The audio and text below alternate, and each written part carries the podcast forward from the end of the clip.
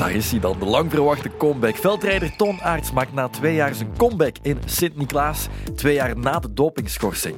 We praten samen met Ton en zijn trainer over de aanpak richting de grote herintreden. Hallo, welkom bij de laatste Sportstad Daily van de week. Het weekend staat voor de deur en zaterdag kan je, als je dat wil, plechtig openen met de Waasland Cross in Sint-Niklaas. En dan word je ook getuige van de eerste wedstrijd van Ton Aerts na zijn dopingschorsing. Gewoon even snel de tijdlijn vormen. Die begint in dit verhaal in februari 2022.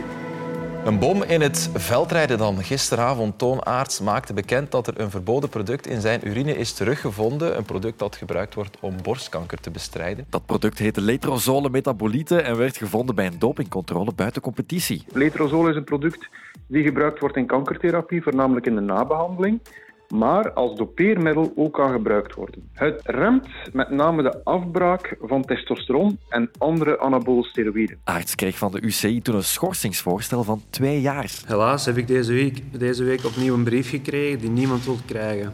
Hierin staat vermeld dat de UCI, UCI ons een voorstel doet van twee jaar schorsing. Aerts ging wel een beroep, maar zonder succes. Veldrijder Toon Aerts blijft tot half februari geschorst. Zijn beroep bij de Internationale Wielerunie UCI is verworpen. En zo zijn we. Die schorsing is uitgezeten. We zijn ondertussen half februari. Toon Aerts mag morgen starten in de Waasland Cross. Staat hij voor te popelen? Ja, dat klopt inderdaad. Ik ben al bij wijze van spreken al twee jaar aan het aftellen, maar nu uh, zijn het echt de laatste dagen. Ging precies de vorige weken vrij traag, omdat het eigenlijk alleen maar trainen en rusten was. En van training naar training toeleveren en voor de rest wel wachten. Maar nu, zo die laatste dagen, uh, ja, ga ik het ineens terug wat sneller precies. Dus de zenuwen beginnen te komen. Klinkt ook wel logisch. Arts heeft er heel lang op moeten wachten, heeft zijn plannen keer op keer moeten bijstellen en heeft zich vooral moeten bezighouden.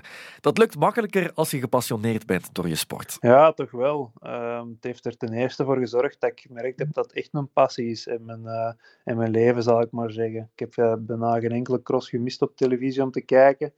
En het was uh, ja, gewoon echt afwachten en aftellen om daar terug bij te mogen zijn. En uh, als je dan merkt dat u echt wel zeer doet dat je niet kunt meedoen, dan merk je ook dat het echt uw ding is en dat u, uw job en uw passie is waar je eigenlijk dag in dag uit mee opstaat. Dus ik ben blij dat er eindelijk een, een einde komt aan die lange periode. Hij heeft zo elke cross gekeken. Hij weet dus nog tegen wie hij de laatste drie veldritten van het seizoen zal uitkomen.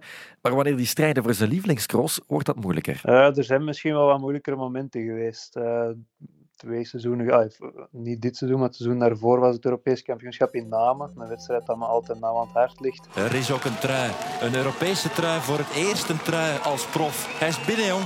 Je mag er een heel jaar mee rijden. De witte met de witte trui. Michael van Toernout, chapeau, België boven.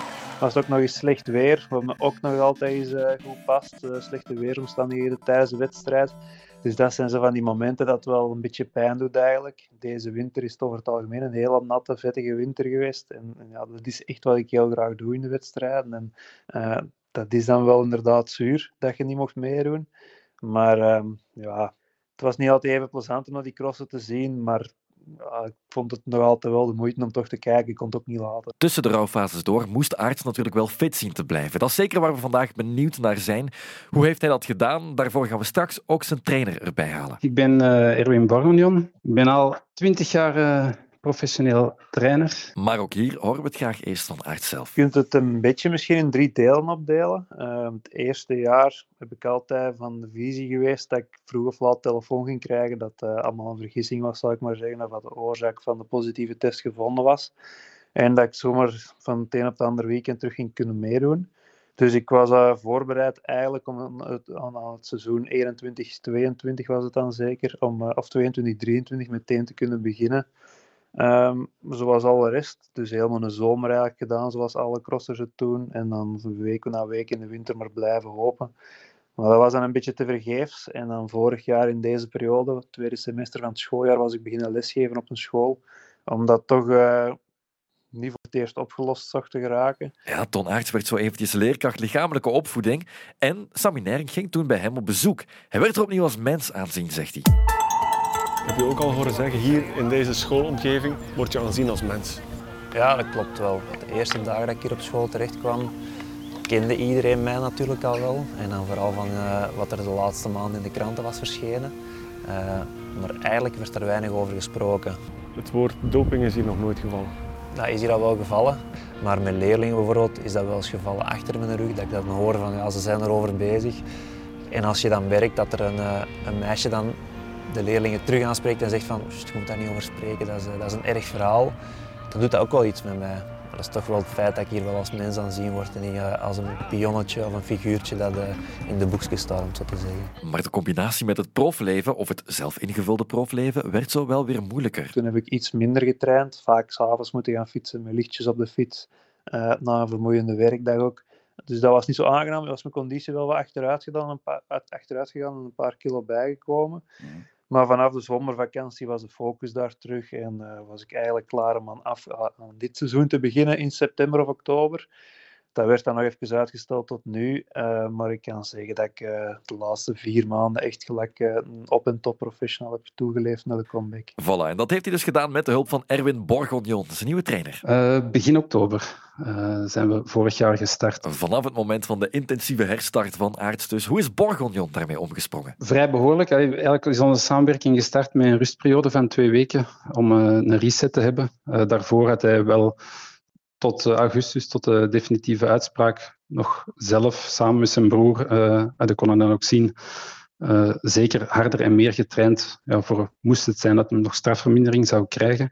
Daarna heeft hem het een beetje laten varen, heel onregelmatig getraind. Dus het was zeker niet de beste toonaards, maar dat is ook geen probleem. Want je moet in een dal beginnen om een top te kunnen bereiken. Dus dat was eigenlijk ideaal. De totale reset dus voor Ton Aert, zodat zijn trainer naar eigen wensen kon gaan kneden. Dat is gewoon trainen. dan, uh, dan weet ik dat... Allez, ik zie niet dat er fouten is, dus hij had heel onregelmatig getraind, maar ik wou een uitgerust lichaam hebben uh, om te kunnen starten. We hebben dan ongeveer na twee weken dat uh, de trainingen zijn begonnen een aantal testen gedaan, elk een aantal standaardtesten om de conditioneel te bekijken uh, waar dat hem stond en om doelstellingen te kunnen bepalen. En van daaruit zijn we dan eigenlijk uh, vertrokken. Ja, we moesten al overtraind zijn voordat we begonnen, bijvoorbeeld. Um, of, of moe, ja, dan moet je weer uh, een aantal weken bijsturen. Dus op deze manier was dat de snelste manier om goed te kunnen weten waarop, waarop, waaraan en waarop.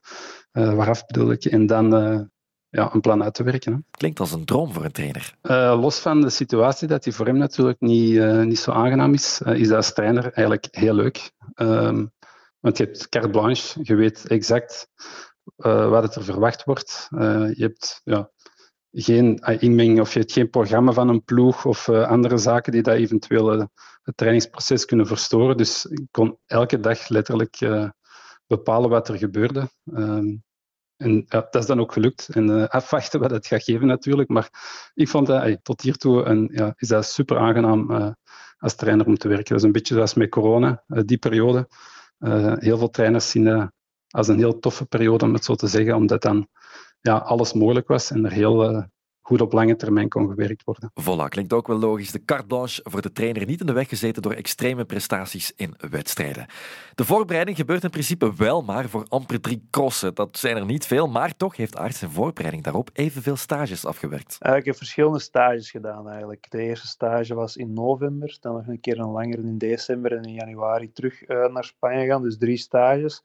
Uh, maar ik had altijd wel een beetje een zicht op op een ploeg, zal ik zeggen. Er zijn verschillende ploegen gedurende die twee jaar in, uh, in het verschiet geweest. Uiteindelijk is het dan de Schacht Maas geworden, waar ik dan zekerheid van had. Uh, eind november ergens zeker, of ik weet het nu niet exact meer wanneer het was. Um, maar ik heb me daar uh, met momenten een beetje zorgen in gemaakt, maar eigenlijk altijd wel het vertrouwen gehad dat ik hier of daar wel een plekje kon vinden. En dat is, dat is wel gebleken, want het ging niet tussen één ploeg, er waren verschillende ploegen die het wel zagen zitten nog. Zijn nieuwe ploeg, die kende wel in Sint-Niklaas, zal hij voor het eerst te zien zijn in de kleuren van de schacht, Hens Maas. En die mogen, puur fysiek, misschien wel de allerbeste versie van Aarts verwachten. Als ik kijk naar testen en uh, beklimmingen die ik op stage heb gedaan bijvoorbeeld, en inspanningstesten hier uh, ja, bij een trainer en zo, is dat allemaal echt wel, wel dik in orde. Um, ik kom echt wel op het niveau, of op een van mijn hoogste niveaus dat ik al gehad heb, denk ik. Ik kan natuurlijk vergelijken met wat ik in het verleden zo wat gedaan heb. Maar dan zijn dat zo wat geïsoleerde inspanningen. Hè. Um, een bepaalde 10 minuten test doen of een bepaalde klimhard oprijden. Uh, maar die is dan maar een paar minuten of een, of een kwartier of twintig minuten of zo. Dat is natuurlijk geen cross waarbij al tegenstanders rijden, waarbij je moet versnellen en rond paaltjes draaien, tactisch denken, je materiaal in orde houden, een mooie lijnen rijden. Dat is allemaal nog iets anders natuurlijk, dus dat blijft wel wat een vraagteken.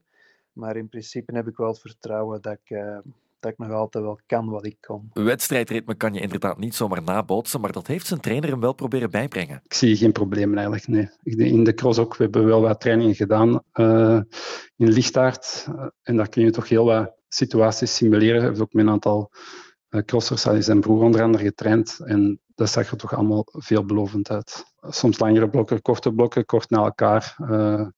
Om toch ja, de stress zo hoog mogelijk te leggen en te zien wat er nog nodig was. Dat hebben we zo een stuk of vier keer gedaan. En dat is toch ook altijd uh, goed verlopen. Ja. Voilà, het kan maar helpen. In elk geval start Ton Aerts zaterdag helemaal achteraan, want nul punten in het klassement. Ja, inderdaad, dat is ook zo. Het wordt een beetje nog een koers in de koers voor mij, omdat ik achteraan zal moeten starten. Uh, daar al mijn punten zijn weg, weggevallen uh, om, om, een goede startplaats te kunnen hebben. Um, maar we moeten pakken gelijk hij komt, denk ik. Uh, dat is de, kort, de cross aanpakken om eerst goed te starten, dan een goede midden te rijden en uiteindelijk uh, in de finale nog te rijden voor elk plaatsje wat erin zit. Uh, voor mij is letterlijk elk plaatsje op dit moment belangrijk, omdat dat punten oplevert. En ik zou dit seizoen dan, die drie crossen, uh, nog met zoveel mogelijk punten willen afsluiten, om dan volgend seizoen een uh, iets betere startplek al te kunnen aanvatten. En zo kan hij dus heel letterlijk bouwen aan de weg vooruit. Drie kansen krijgt Aarts nog dit seizoen. Sint-Niklaas, Brussel en Oostmalle. En na twee jaar zonder een cross te rijden is het enthousiasme enorm. Tot volgende week voor een reeks nieuwe Sportsadelies.